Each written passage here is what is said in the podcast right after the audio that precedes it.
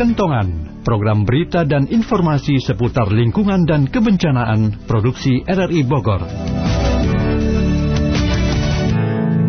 Selamat sore dan salam jumpa dalam program Kentongan untuk edisi hari ini. RRI Bogor hadir kembali menyapa Anda dengan informasi dan juga pasti dengan isu yang akan kami angkat. Yang akan kami angkat adalah isu yang kami hadirkan sebagai berita utama kami dalam Warta Berita New Chapter di jam 6 pagi tadi. Jadi kami sudah mengubah format Warta Berita kami dan mudah-mudahan bisa memberikan informasi lebih segar kepada Anda.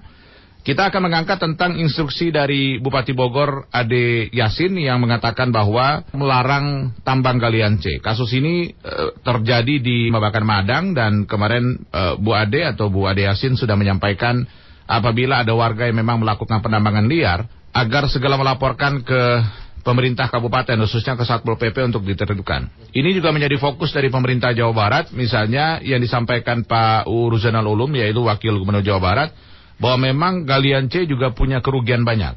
Tapi sekali lagi memang penanganan ini serba pelik karena satu sisi memang satu hal menjadi ranah ataupun tempat pengambil uh, kehidupan dari beberapa masyarakat tapi satu sisi ini bisa menjaga ekosistem atau akan mengganggu ekosistem dan ekologi dari alam Jawa Barat yang sangat rentan dengan bencana alam.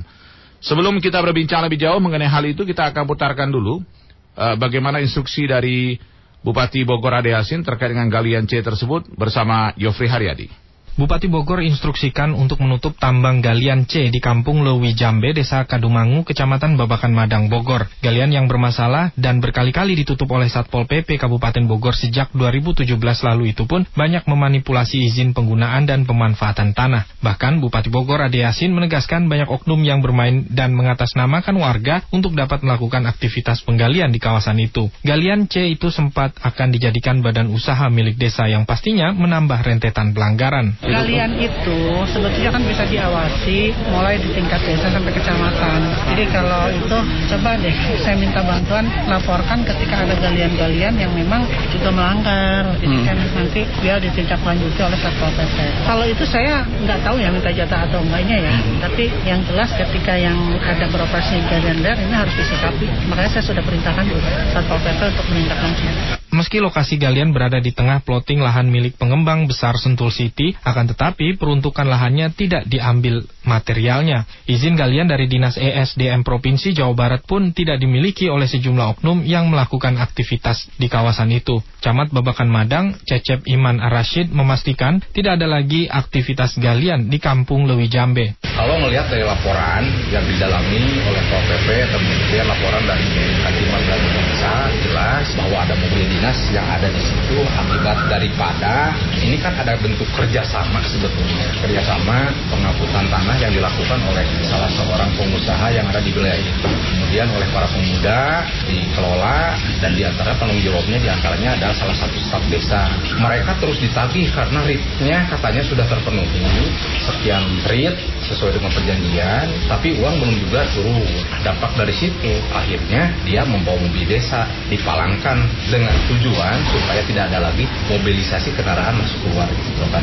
Maksudnya arahnya ke sana. Tapi setelah ditutup, ternyata dampaknya lain. Ada warga masyarakat yang sebetulnya dia kesel terhadap pemerintah desa bagaimana perjanjian yang telah dikeluarkan akan dibayar ternyata tidak juga katanya. Itu melakukan perbuatan melakukan masuknya ke ranah pidana. Dan sekarang buka Polsek dengan ada laporan dari warga masyarakat ataupun ini telah melakukan langkah-langkah yang diperlukan Sementara itu, oknum kepala dusun dan kepala desa yang masih menginginkan dibukanya galian tanah di Lewi Jambe itu pun kini menghadapi persoalan baru pasca perusakan mobil siaga desa yang rusak akibat dilempar batu saat memblokade aktivitas truk tronton bongkar muat galian tanah. Demikian laporan Yofri Haryadi yang tadi disampaikan bahwa memang ada perlawanan mereka yang melakukan penambangan liar di wilayah Babakan Madang. Baik, kita akan bersama dengan Wakil Ketua DPRD Kabupaten Bogor, Jawa Barat dari fraksi PKS. Ada Pak Agus Salim sudah bersama saya di line telepon untuk bincang ini. Saya akan menyapa beliau Pak Agus Salim. Assalamualaikum Ustaz. Waalaikumsalam warahmatullahi wabarakatuh. Baik Maulana di studio terima kasih sudah uh, menyempatkan waktunya karena ada masalah yang selalu berulang di Kabupaten Bogor Pak Pak Agus Salim. Ya. Soal galian C yang kemarin Bu Ade mengatakan harus uh, segera ditutup galian C ilegal. Tapi saya nggak tahu hmm. apakah memang itu masuk dalam inventarisir masalah yang memang sering dibicarakan dengan pemerintah kabupaten khususnya eksekutif menangani masalah yang masalahnya di desa-desa. Karena ada rumor mengatakan bahwa ada tagihan, ada apa-apa target yang diberikan, ada sesuai rate, kemudian juga kadang-kadang bisa dijadikan bumdes dan lain-lain dengan alasan itu maka penambangan liar bisa dilakukan. Ah, Bagaimana duduk sebenarnya aturan yang berlaku Pak Agus? Iya. Terima kasih Mas Maulana dan pendengar semuanya yang insya Allah diberkahi Allah. Pagi yang semoga semua dalam kondisi sehat. Amin, ya. amin. Iya. Termasuk permasalahan di Kabupaten Bogor dari ujung ke ujung ya, termasuk yang terakhir terkait di Babakan Madang juga, yang belum selesai juga di Bogor Barat terutama, ya masalah kalian C. Saya tanya dengan masalah regulasi dan juga perhatian kita, ini eh, permasalahan ini jangan sampai apa, terutama terkait dengan masyarakat ya, satu terkait dengan masalah sosial. Terkait masalah sosial ini kompleks sekali dan belum selesai-selesai. Kalau terkait peraturan, selama itu legal, itu pasti akan merugikan semua pihak. Baik masyarakat terdampak, demikian juga pemasukan untuk kabupaten juga nggak benar. Dan itu pasti secara lingkungan juga nggak ada izin dan seterusnya itu ya. Mhm. Nah ini, maka dari itu, sebaiknya kalau memang tidak ada izin, berarti kan semua kajian terkait dengan berbagai hal yang bisa kemudian eh, menjadi boleh, itu kan, itu nggak ada. Berarti itu pasti akan merugikan semua pihak. Apalagi kalau ilegal, akan ada yang dirugikan meskipun Ta- tapi ada duduk masalahnya eh, apabila ada masyarakat melakukan penambangan galian C, udah pasti Hmm. ilegal atau justru memang ada yang legal sebenarnya penambangan dilakukan oleh eh, apa namanya oleh perorangan itu Pak Pak Agus Salim. Penambangan-penambangan terkait itu, apalagi perorangan ya. Kalau itu kemudian mengganggu kepentingan umum dan juga berdampak pada lingkungan, ini nggak bisa kemudian sembarangan dilakukan. Hmm. Tentu Ya. harus ada eh, apa perizinannya. Oke. Kalau kemudian eh, itu berdampak dalam semua sisi ya, Mhm. bahkan mungkin ada izinnya sekalipun, begitu sudah dilaksanakan kok ada dampak-dampak lingkungan harus dikaji lagi Oke. gitu loh. Baik, ditahan sebentar Ah. Pak Pak Agus karena kita juga bersama dengan Camat Babakan Madang. Pak Iya. Cecep Iman Rasid kita juga tanya ini salah satu wilayah aja karena kemarin Oh, yang iya. dilihat itu di Lewi Jambe di Babakan Madang. Pak Cecep ini soal penambangan galian C di wilayah teritorinya Pak Cecep di Babakan Madang kemarin Bu Ade sempat mengatakan memang nggak boleh gitu ya. Ada ada kondisi di mana galian C ilegal dan sebagainya. So- saya harus konfirmasi bagaimana duduk masalahnya sebenarnya Pak Cecep. Betul, ini yang di Lewi Jambe sebetulnya di Kadumangu ya. Mhm. Ini galian sudah kalau kalau menurut aturan sudah tidak memenuhi aturan dan kami sudah melakukan langkah berupaya menegur teguran satu, kemudian dilanjut teguran dua, dilanjut teguran tiga. Teguran tersebut ada durasi 773, berarti tujuh hari tujuh hari, tiga hari itu sudah kami lakukan. Bahkan kami dengan Muspika, dengan Kapolsek waktu itu, kemudian dengan, dengan uh, unsur Polri kecamatan, karena membandel, kami pun turun ke lapangan uh, dan menyegel terhadap aktivitas kegiatan itu. Banyak yang dikeluhkan oleh warga, di antaranya licin jalan dan sebagainya. Tadi saya sempat sependapat dengan Pak Kiai Agus Salim bahwa panjang izin tersebut tidak diproses, tidak memiliki izin, ya sebetulnya kami tidak akan mengizinkan. Mhm. Dan kami waktu itu menyarankan supaya izin tersebut diproses ke di provinsi. Ah, demikian mungkin yang disampaikan Duduk intinya duduk kami kondisi hari ini sebenarnya artinya yang dilakukan penambangan itu memang nggak ada izinnya Pak Camat ya? Tidak ada izinnya Pak. Oke. Sampai saat ini tidak ada izinnya. Hmm. Kemudian ah, kami sudah melakukan tadi langkah. Oke. Langkah dengan cara memberhentikan dengan cara peneguran situ dua tiga bahkan Oke. turun ke lapangan dua kali. Oke. Pertama, kunjungan pertama ke lapangan dilakukan peneguran ke satu, Mhm. kemudian kedua dan ketiga. Itu itu ada durasinya tujuh tujuh tiga. Oke. Hanya kemarin terakhir kami melakukan ah, penutupan lagi karena ya tadi si pengusahanya membanda dan sebetulnya masyarakat pun sekarang ah, kemarin di- dirapatkan internal oleh ah, kami bersama Polsek Muspika intinya Mhm. bahwa masyarakat pun kepala desa sudah merasa keberatan karena banyak masyarakat yang terganggu dengan adanya galian tersebut. Oke. Ya, yang menarik adalah soal pengusahanya. Pengusaha ini adalah pengusaha lama yang sebenarnya izinnya sudah ditutup atau karena operasinya sudah tidak berlaku lagi, maka ada ada pengusaha lain yang memang mengambil alih wilayah itu dan melakukan penambangan tanpa izin. Bagaimana sebenarnya Betul. kedudukannya Pak Pak Camat? Betul, ah, saya dengar, saya dengar ah, pengusaha tersebut pemain lama ya, pemain lama dan Hmm. memang dia sering bergulit di bidang dunia Galian ini ya, galian ini ya. Ah, dua tahun, dua, dua, tiga tahun yang lalu pemainnya masih itu juga. Makanya kami kami tidak banyak toleran toleransi. Terakhir Hmm. kemarin, hari Senin kemarin kami rapatkan di Polsek menegaskan bahwa galian tersebut ini sebetulnya kewenangan kalau melihat kewenangan kewenangan kami sudah habis pak teguran satu dua tiga Oke, teguran kepala dua teguran teguran. Oke, teguran camat camat itu kewenangannya hanya sampai menegur 1 2 3, Pak ya? Betul Oke, Jadi eksekusinya harusnya di mana, Pak? Eksekusinya harusnya di mana, Pak Camat? eksekusi adanya di ah, penegak ah, Perda ya Gakda adanya di Pol PP Kabupaten Bogor Oke, di Pol PP Kabupaten Bogor. Oke, itu ya. Jadi sebenarnya kondisinya bahwa peneguran sudah dilakukan dan eh, eksekusi selanjutnya adalah di Pol PP. Terakhir teguran dilakukan kapan, Pak Camat? udah lama itu pak sudah kada luar pak Oh, jadi tegurannya yang sudah sudah kapan? Terakhir teguran yang ketiga Ah. yang tiga hari itu kapan, Pak Pak Camat? terakhir kurang lebih 10 10 hari yang lalu lah Oh, terakhir itu itu yang tiga hari ya, 10 hari yang Nah, lalu ya. dan yang terakhir sekali kemarin kita melakukan peneguran pemanggilan Hmm, oke. bersama ibu Kapolsek dengan Pasitranti Ya. dengan pengusahanya dengan desanya dan sebagainya dipanggil ke Polsek intinya menyamakan persepsi bahwa galian Oke. tersebut dinyatakan ditutup tapi lihat apakah masih beroperasi atau tidak Oke, yang jelas baik. kami melakukan itu karena dasarnya sekali lagi pertama pertama dia tidak punya izin keduanya Hmm. sebetulnya bukan kewenangan kami melakukan tindakan kemarin tapi berhubung ada dua dari masyarakat Mhm. kami lakukan pak Oke, baik. Saya tanya ke Pak Kiai dulu, Pak Agus Salim. Pak Agus, itu duduk masalahnya sebenarnya teguran sudah dilakukan sebatas kewenangan Pak Camat, kemarin pemanggilan eh, pemanggilan sudah dilakukan juga. Dan sebenarnya ini adalah tambang yang sudah lama ditutup, kemudian pemain lama main lagi di sana dan tetap melakukan operasinya gitu. Emang eh, belum ada perda yang ngatur secara tegas bagaimana aturan main soal tambang galian C itu di Kabupaten Bogor, mengingat luasnya wilayah dan banyak kondisi tersebut terjadi di wilayah lain juga, Pak Pak Agus Salim. Iya, keluhan terkait hal ini terkait dengan masalah pelanggaran-pelanggaran memang banyak ya. Ini harus penegasan ya. Terkait dengan regulasi sudah ada. Ya tinggal penegasan gitu. Nah ini kalau terima kasih Pak Camat sudah sampai tingkat seperti itu. Ini sudah sampai ke tingkat kabupaten berarti ya kita akan siap dorong untuk kemudian regulasi yang ada ditegakkan dengan baik gitu. Ya, kan? artinya bahwa sebenarnya kalau bicara di dewan maka regulasinya harapannya bersama eksekutif adalah perda. Perdanya memang Iya. sudah sudah ansih betul membicarakan tentang apa Secara- namanya sanksi soal ini bagaimana Pak Pak Pak Agus?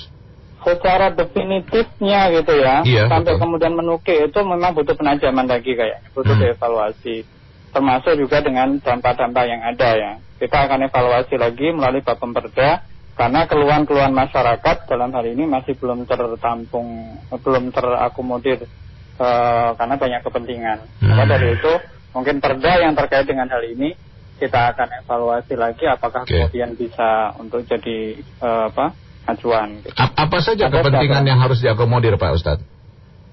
beberapa masyarakat ya. Mhm. Ini babakan madang ini salah satu. Saya bilang ini salah satu. Betul betul. Salah satu. Dan apalagi nanti kemudian sudah urusannya nyawa ya. Mhm. Kalau tadi dampak lingkungan se- masih sebatas itu. Begitu sudah masa musim hujan, jalan rusak itu nyawa. Bogor Barat itu urusannya udah nyawa. Mhm. Nah ini maka dari itu semoga tahun 2021 terkait dengan eh, masalah lingkungan karena ada salah satu yang khusus ini akan jadi salah satu raperda raperda yang sudah diparipurnakan terkait lingkungan akan Mhm.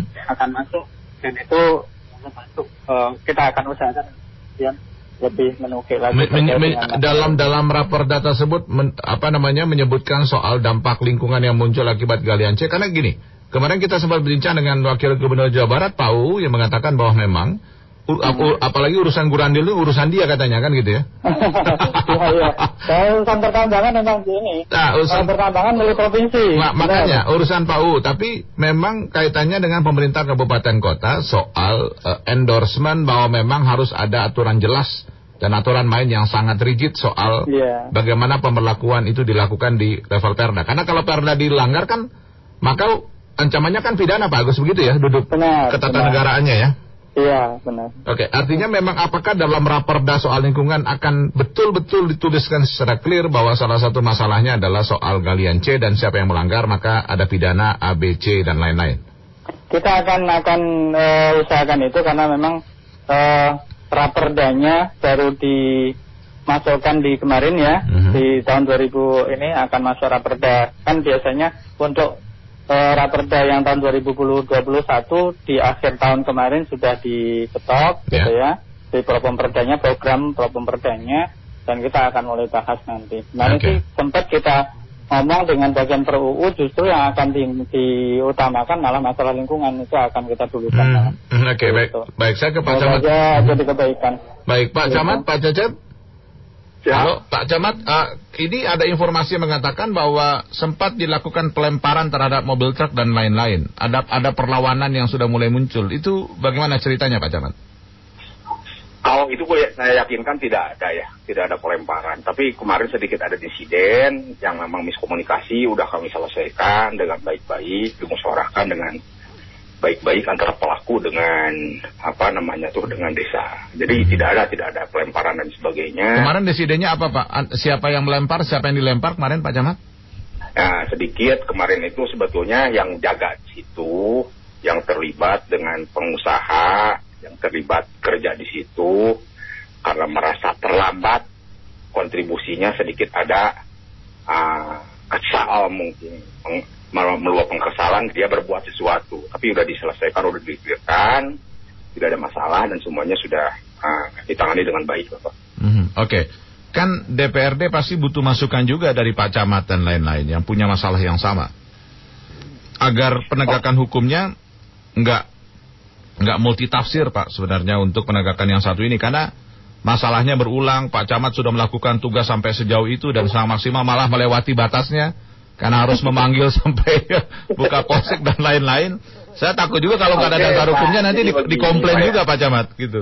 Oke Pak, jadi begini sebetulnya ah, terima kasih kalau seandainya ini ah, Perda mengenai Galinse ini sudah di- dibahas lagi di tingkat kabupaten. Yang saya tahu Galinse itu kewenangannya dari provinsi ini yang jadi Betul. permasalahan yang agak-agak rumit itu. Ketika ada orang yang memproses perizinan Galianse harus memproses ke tingkat provinsi. Padahal wilayah yang sebetulnya ah, bersentuhan langsung dengan masyarakat ya kami, Pak.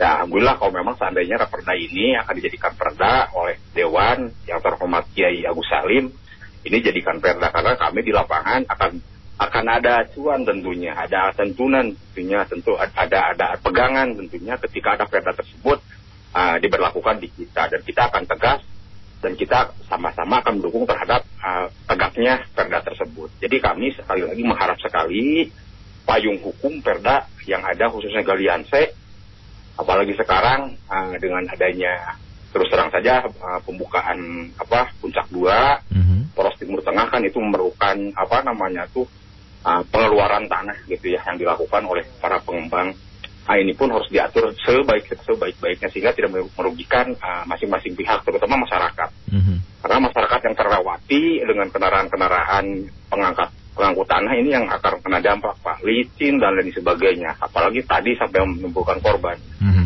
di musim hujan ini yang kita hindari. Licin memang Pak. Makanya saya menghimbau, menghimbau Mhm.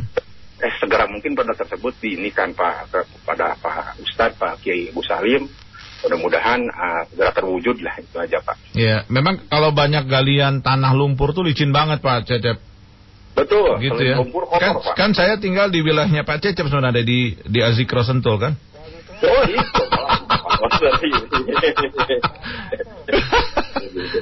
Baik, Pak Agus pasti harus jawab ini. Ini permintaannya Pak Pak Pak Camat tuh Pak Pak Agus. Pak Ustadz silakan Pak Ustadz. Iya iya. Jadi kita coba masuk memang ini terkait galian dan juga lainnya memang ada kebijakannya di provinsi. Kita coba masuk dari jalur lingkungan dan beberapa jalur yang memang masih tingkat kewenangan kita. Makanya eh, tadi raperdanya jalurnya yang coba kita mau tembus jalur lingkungan gitu supaya berbagai hal yang berdampak pada lingkungan itu bisa kita tahan dan kita uh, tindak dengan dengan sesuai kewenangan kita ya. Kita nggak bisa melampaui Hmm. Iya, kewenangan betul, betul. kita, tapi kita uh, coba cari peluang-peluang untuk bisa penegakan uh, peraturan, ada payungnya, tapi dengan jalur yang pas gitu, yang ada peluang di sana. Di antaranya salah satunya adalah lingkungan mungkin. Oke, artinya bahwa memang eh, memang kita tidak bisa intervensi terlalu jauh karena memang kewenangan provinsi, tapi bisa dilakukan eh, inovasi dan modifikasi peraturan eh, daerah soal lingkungannya, sehingga kita bisa punya Iya. payung hukum yang baik untuk Pak Camat dan lain-lain melakukan penindakan tegas terhadap siapa pun yang melakukan perbuatan melanggar hukum soal galian C, begitu ya Pak Agus ya? Iya, lebih seperti itu. Oke, baik Pak Agus, Pak Camat, terima kasih banyak sudah menyampaikan waktunya bersama kita. Mudah-mudahan ini sekali lagi warga sebenarnya melakukan perlawanan karena mereka punya hak sekali untuk eh, selamat dari sisi ekologi. Dan ini memang ada kondisi di mana mengkhawatirkan karena sebenarnya izinnya sudah tidak ada lagi.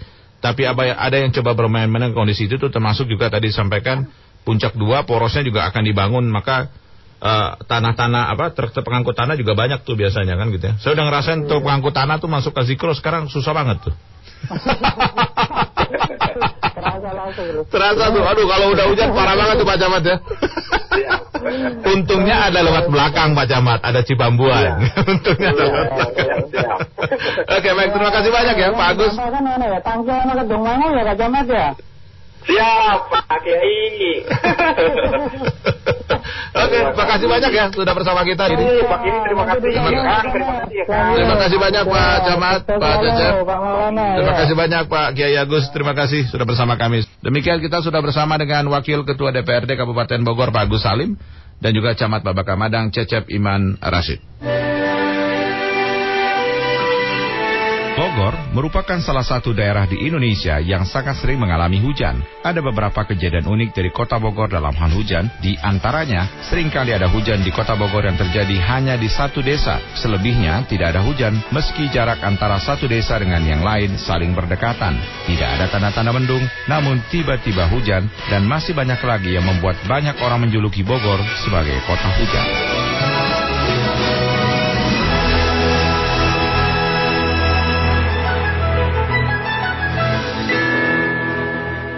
Masih dalam bincang di edisi hari ini, saya Maulana Starto menyapa Anda dan saya sudah bersama Direktur Eksekutif Walhi Jawa Barat, Bung Meki W. Paendong. Masih bicara soal tambang galian C di wilayah Kabupaten Bogor khususnya di Lewi Jambe yang memang masih terjadi kemarin dan rupanya ini ilegal tapi masih banyak dilakukan. Kenapa kami harus ke Jawa Barat? Karena memang ini urusan provinsi sebenarnya. Tapi apakah ada celah untuk secara regulasi untuk dilakukan apa namanya penyelesaian di level kabupaten ataupun kota misalnya yang mengalami kondisi seperti ini. Bu Meki sudah di line telepon bersama saya. Tadi kita sudah uh, apa namanya mendapatkan cerita tentang masalah di Lewi Jambe soal galian C, tapi ini salah satu dari banyak masalah yang ada sebenarnya di wilayah Kabupaten Bogor soal galian C sebenarnya. eh, Menurut Anda, men- kenapa masalah ini nggak pernah selesai ya?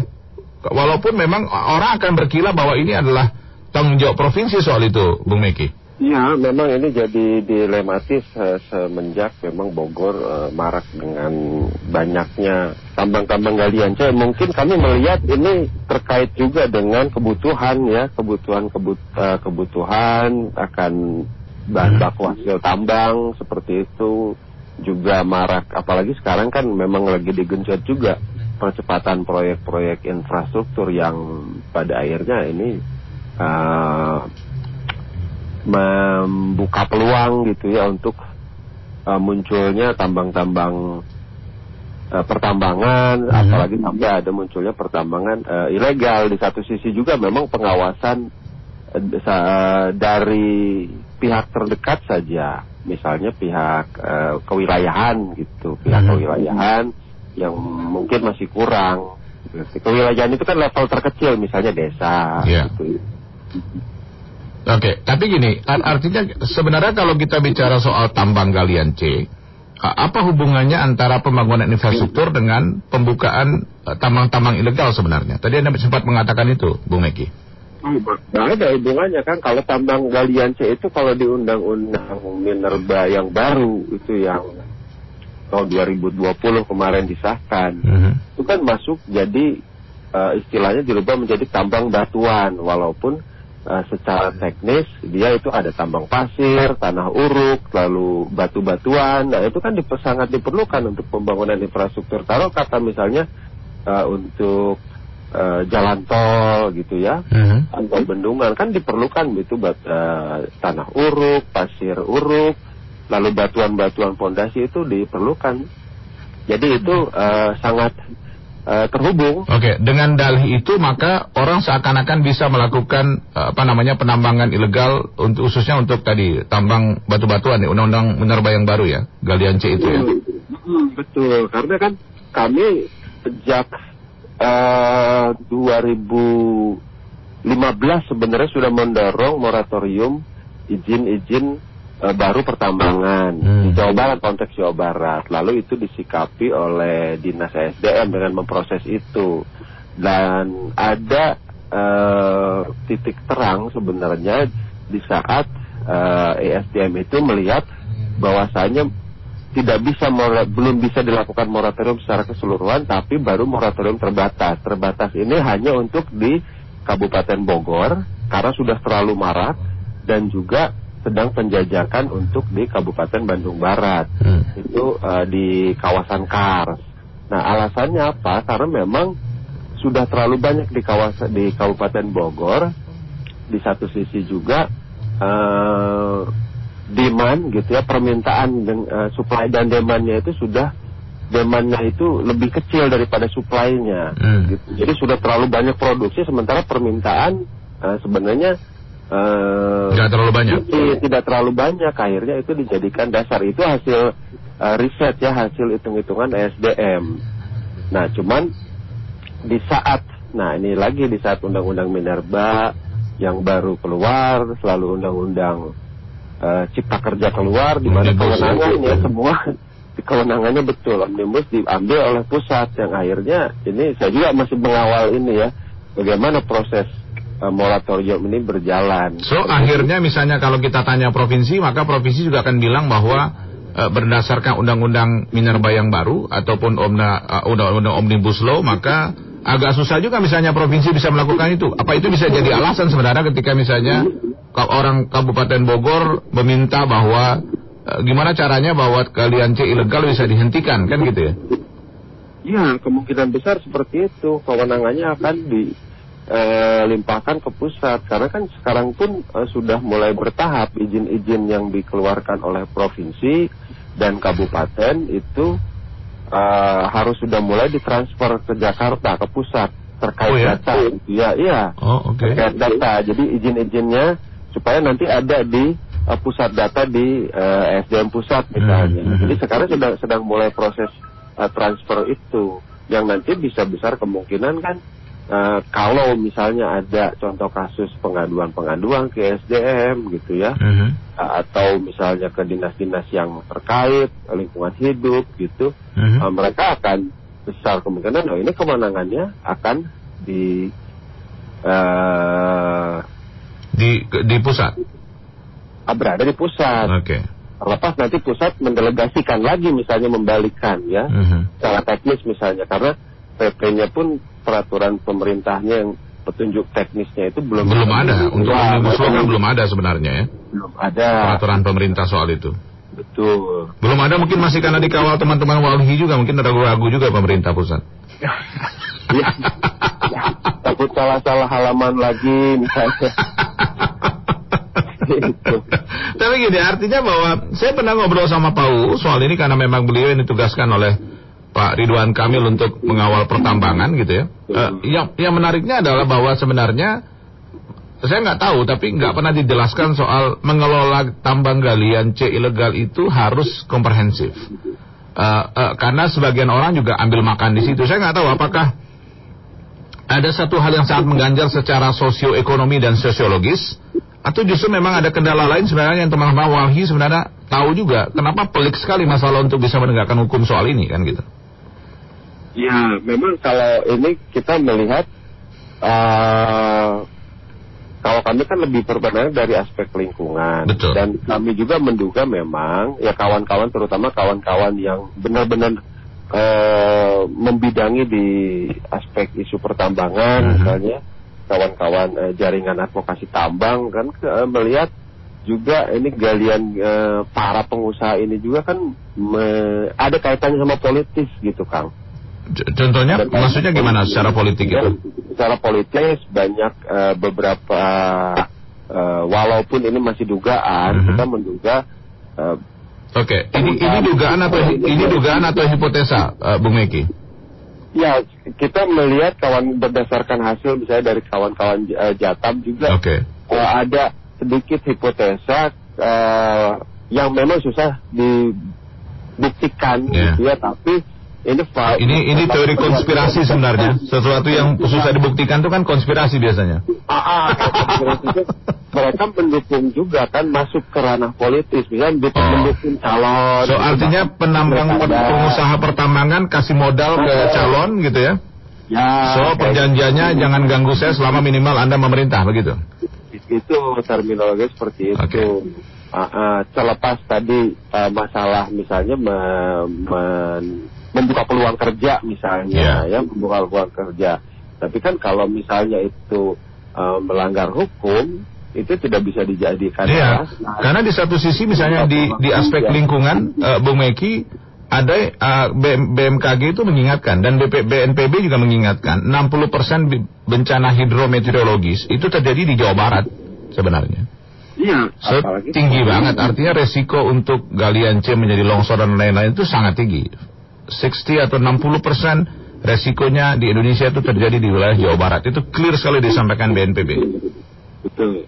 Ya, kita masih tinggi kan Provinsi Jawa Barat untuk uh, be, itu gabungan sebenarnya kan bencana geologi dan bencana hmm. alam. Ya, betul. Ya, bencana ekologi maksud saya. Jadi betul. bencana yang memang diakibatkan oleh uh, ulah manusia ibaratnya pencemaran tanah longsor tanah longsornya bukan tanah longsor alam tapi memang kejadian kecelakaan Nah, seperti okay. itu. Kalau Perda bisa dibikin di wilayah Kabupaten Bogor misalnya, apakah bisa lewat aspek lingkungan itu bisa di apa namanya bisa ditekan juga karena menurut uh, Wakil Ketua Pak Agus Salim mengatakan menurut fraksinya bahwa memang hanya aspek lingkungan yang bisa ditembus untuk bisa memberikan perda dengan aturan tegas soal galian C. Karena yang lain-lain akan terbentur dengan aturan pusat dan lain-lain katanya.